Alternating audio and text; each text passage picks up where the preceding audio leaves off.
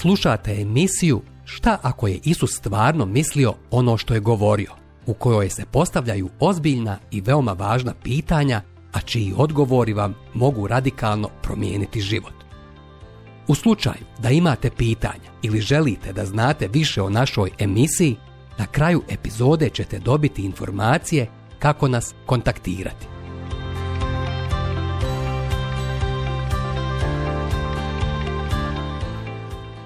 šamaranje slijepih. Iako sam bio nestašno dijete, roditelji nikada nisu morali disciplinovati me zbog nepromišljenosti u postupcima. Nikada nisam počinio prekršalj. Jesi li zadivljeni? Moguće da niste zadivljeni mojim dobrim ponašanjem. Razmislite što Božja riječ kaže o onima koji su zarobljeni u grijehu – ako je i zatrto evanđelje naše u onima koje je zatrto, koji propadaju, u onima kojima Bog ovog svijeta oslijepi pameti nevjerničke, da ne zasvijetli svjetlost evanđelja slave Krista koji je slika Božja. Druga poslanica Korinčanima, četvrto poglavlje od trećeg do četvrtog stiha. Nevjernici su zaslijepljeni.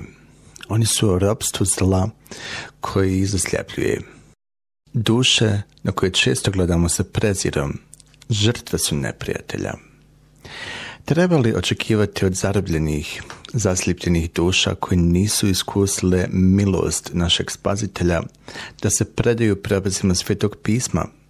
Na kojim područjima trenutno postavljamo takva očekivanja od neobračnog svijeta? Dok Mnogi vjernici gledaju izgubljene duše Isusovim očima i prestupaju im sa njegovim samlošću. Uznemirujuća je učestalost takozvanog crkvenog šamaranja slijepih. Ne, mi ne idemo do onih koji imaju ošičen vid, pa ih udaramo po licu, ali mi možda radimo duhovni ekvivalent. Ispredamo spoljašna djela neobraćenih ljudi, umjesto što služimo njihovoj unutrašnjoj i vječnoj prazini. Koliko često oblikujemo ljude samo prema onome što vidimo i čujemo, a ne na način koji je naveden u Božjoj riječi. Osuđujemo li njihove postupke više nego što se posvećujemo molitvi za njih? Jesmo li spremni ogovarati ih kako bi i drugi znali koliko su loši, nego se trošiti i potrošiti u njihovu korist, kako bismo im otkrili Božju ljubav i istinu. Ako je tako, mi u stvari šamaramo slijepe ljude.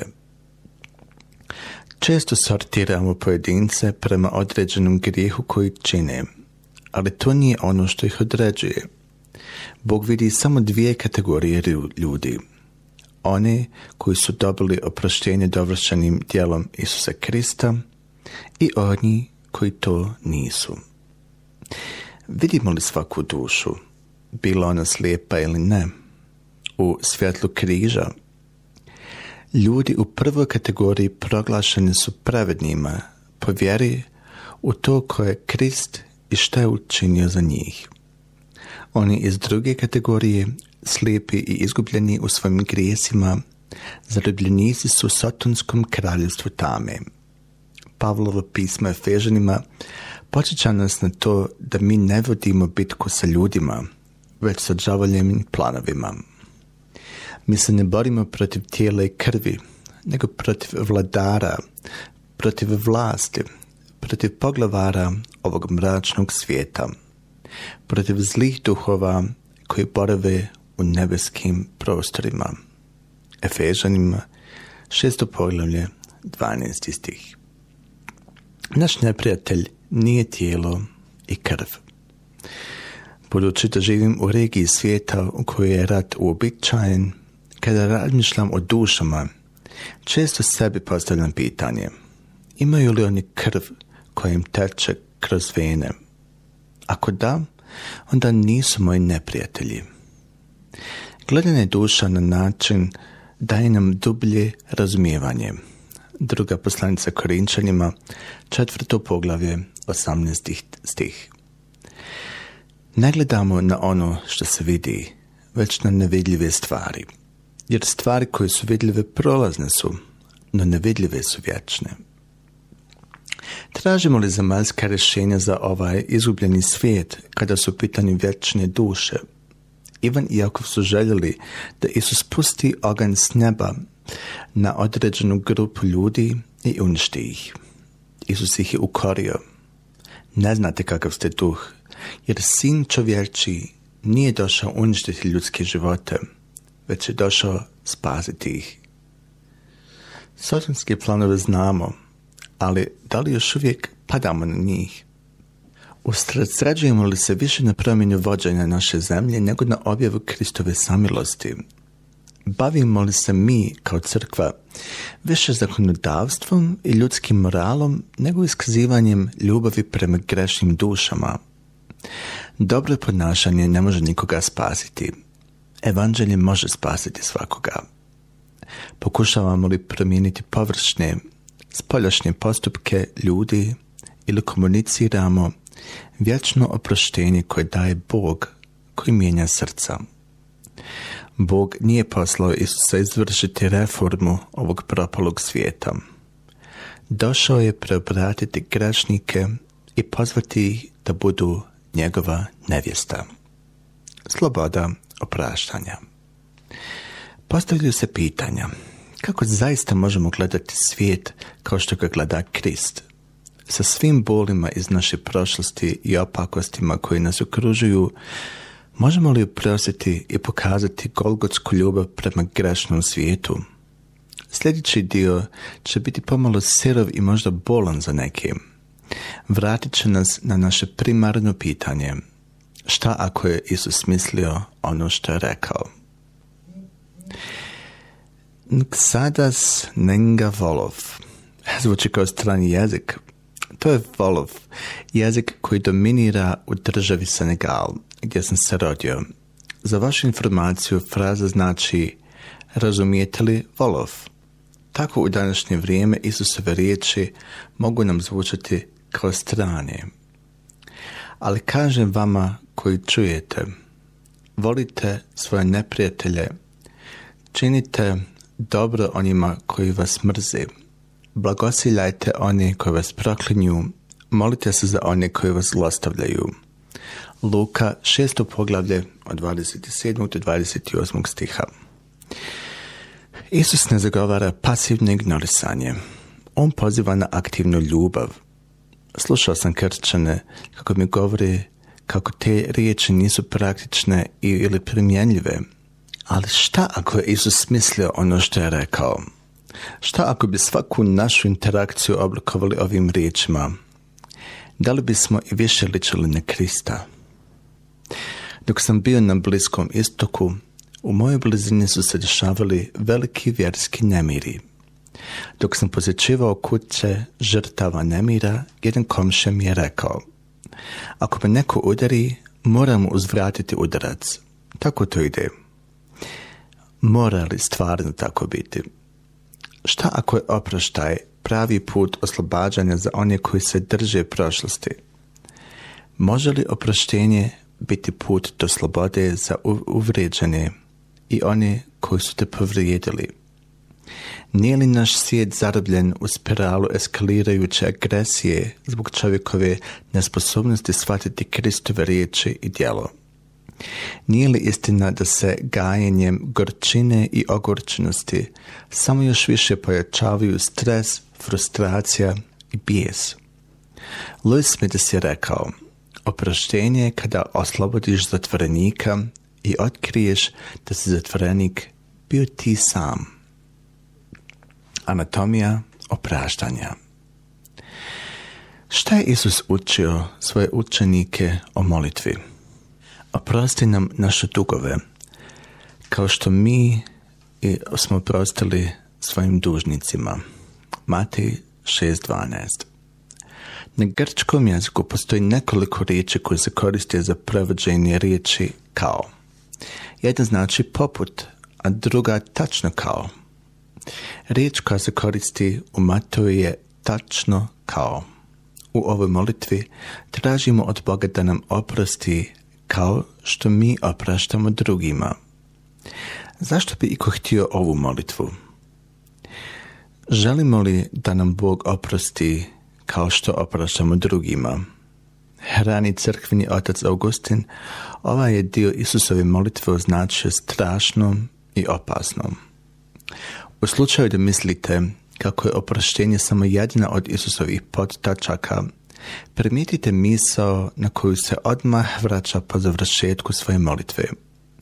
Jer ako vi drugima oprostite njihove grijehe, oprostit će vama i vaš nebeski otac, ali ako drugima ne oprostite grijehe, ni vaš otac neće oprostiti vama vaše grijehe. Matej, šesto poglavlje od 14. do 16. stiha. Poseban naglasak stavlja na opraštanje. Oprostite ako imate bilo šta protiv koga, da i vama vaš otac na nebu oprosti vaše grijehe. U Marku 11. pogledu 25. stih Isus je učio Kada stojite i molite se, oprostite ako šta imate protiv koga, da i vama vaš otac koji je na nebu oprosti vaše greške. Kada je u pitanju oproštenje, detalje o tome ko je prestupnik, šta je učinio i koliko je puta povrijedio, postaju nebitni. U Mateju 18.21 Petar pita Isusa, Gospode, ako brat moj pogriši protiv mene, koliko puta oprositi mu? Do sedam puta? Pita li Isus, dobro Petar, kakav grih želiš oprostiti? Ne, Oproštenje nema nikakve veze sa uvredom ili uvrediteljem. To što ima veze sa tim kako je tebi oprošteno. Dakle, Isus odgovara Petru. Ne kažem ti sedam puta, već sedamdeset i sedam puta. Matej 18, 22. stih. Drugim riječima, oprostite uvijek još jednom. Kada uzmete u obzir preobilnu ljubav i oproštenje koje nam je Bog pokazao u Kristu, nikakva ljudska greška protiv vas neće biti pretješka za praštanje. Isus nastavlja pričom o čovjeku kojem je oprošten veliki dug, ali je taj isti odbio odprositi drugome jedan mali dug. Isus zaključuje, zli slugo, Sad sam ti dug oprostio, jer sam me molio. Zar se nisi trebao i ti smilovati svom drugu, kao što sam se ja smilovao tebi? Tada ga njegov gospodar, pun gnjeva, predaljem učiteljima sve dok ne vrati sav dug. Tako će i moj nebeski otac postupiti s vama, ako ne oprostite jednim drugima od sveg srca. Matej, 18. poglavlje, od 32 do 35. stiha. Ako ste spašeni, oprošten vam je dug vječnog grijeha protiv svetog i pravednog Boga. Kada uzmete u obzir preobilnu ljubav i oproštenje koje vam je Bog pokazao u Kristu, nijedna ljudska krivica prema vama neće biti prevelika da je oprostite. Dopustite mi da vam objasnim. Sjećate li se Ivanovog izvještaja o ženi koja je uhvaćena u preljubi? Očigledno je bila kriva. U stvari, niko nije raspravljao o njenoj krivici ili o tome trebali je kazniti kamenovanjem. Tu se moglo i unaprijed zaključiti. Bila je uhvaćena na dijelu, ali to nije poka priče. Jasno, u činu je postojala i druga okrivljena strana. Ali ni tome nije bilo pouka. Umjesto toga Isus je se preuspirenja na sebe. Neka ona koji je bez grijeha prvi baci kamen na nju. Ivan 8. poglavlje 7. stih. Nakon što je bačen svaki kamen i nakon što su svi otišli kući, Isus joj reče, nija te ne osuđujem. Idi i odsad više ne griješi. Ivanovo 8. poglavlje 11. stih. Isus nije gledao na njen grijeh. S pravom je mogao baciti kamen jer jedin je ostao bez grijeha. Šta se dogodilo? On je preuzeo njen grijeh na sebe. Mogao je reći, no osuđujem te jer ću ja biti osuđen za tebe. To je evanđelje. Na križu su Isusove prve riječi bile Oče, oprosti im, jer ne znaju šta rade. Luka 23. poglavlje 34. stih. Jesu li grešnici u blizini križa u tom trenutku dobili oproštenje za vječni život? Nisu, ali se otvorio put trajnog opraštanja. Primijetite ponovo što je Isus rekao ženi uhvaćenoj u grijehu preljubi.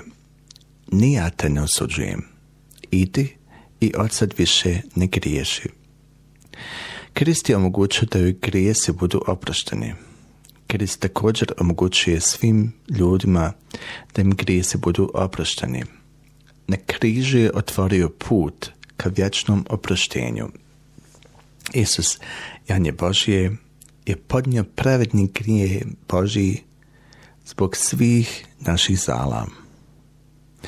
Time je otvorio put da svima vama bude vječno oprošteno. Petar je to rekao ovako.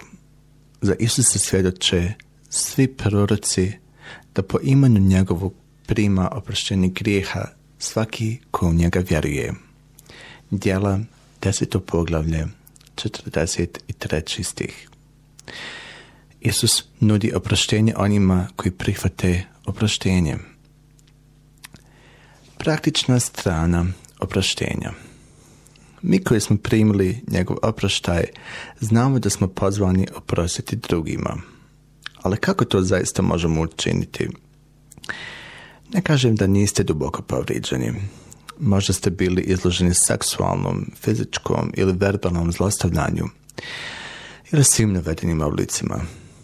Možda zbog svoje prošlosti ne prihvatate istinu Božjeg opraštanja kroz Isusovu krv. Možda vam je ime oklevetano i zbog laži su prekinuti neki odnosi. Možda ste imali nekoga ko se izdizao iznad vas radi svoje promocije, a vi ste ostali nezapaženi. Možda su vas napustili oni u koji ste imali povjerenje. Ne znam tvoju priču, ali znam Kristovu ljubav prema tebi. To je u svjetlu njegove nevjerovatnije ljubavi koju možemo vidjeti u izgubljenom svijetu i iskreno im oprostiti kao što je nama oprošteno. To je ono što sveto pismo zapovjeda. Budite jedni prema drugima ljubazni, milosrdni. Oprašate jednom drugome kao što je vama oprostio Bog u Kristu. Efežanima četvrto poglavlje 32. stih. Zaslužuju li oni koji griješe oproštenje? Ne. Ali to onda vrijedi i za nas. Kod praštanja nije važno da li ga neko zaslužuje ili ne. Zapamtite, oproštenje nema nikakve veze sa osobom koju prašate, već ima veze samo sa tim kako je vama Krist oprostio.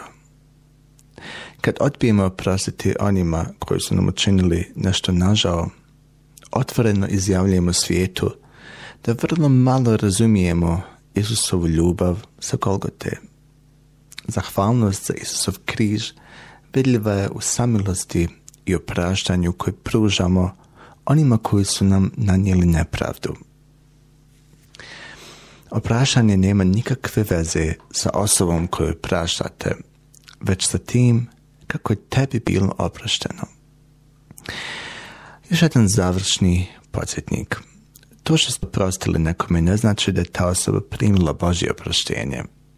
Umjesto toga, situaciju ste preusmjerili prema pravednom sudiji. Kad oprostiš, to onda prepuštaš Bogu. Počinitelj za uzvrat mora tražiti Božje oproštenje koje se nalazi u Kristu. Ovo ću reći samo jednom. Kad oprostite i predate stvar gospodu, taj kamen više nikada se ne smije uzimati. Amy Carmichael je napisala snažni bolnu pjesmu pod nazivom Ako. Jedna strofa kaže Ako odbijem priznati, pokajati se i odustati od grijeha koji čine drugima i dopustiti da mi sjećani na taj grijeh oboj misli i nahrani sumnje – tada ne znam ništa o Golgotskoj ljubavi. Bog je toliko usmjeren na to da mi odražavamo njegov praštajući karakter.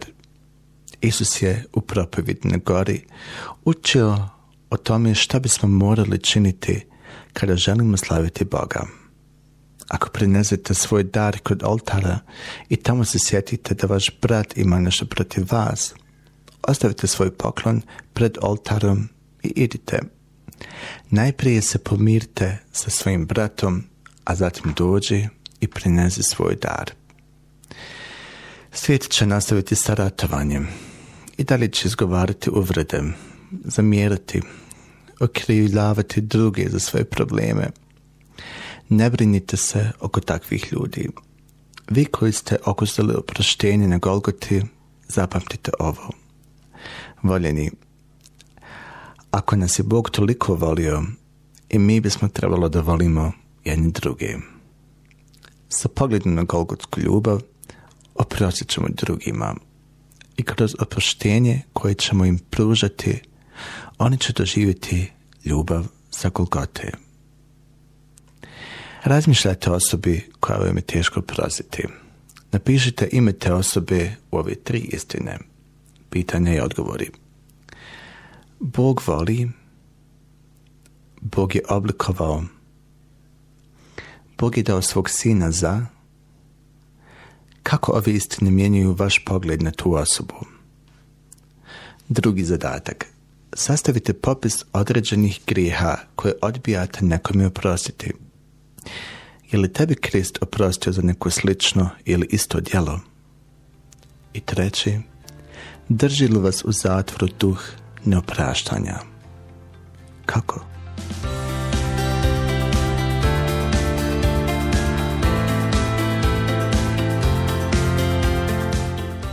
Hvala vam što ste slušali današnju emisiju. Kontaktirajte nas putem našeg e-maila putpravednosti.bih ili putem naše Facebook stranice Put pravednosti. Zapratite nas na Facebooku i Instagramu. Do sljedećeg slušanja.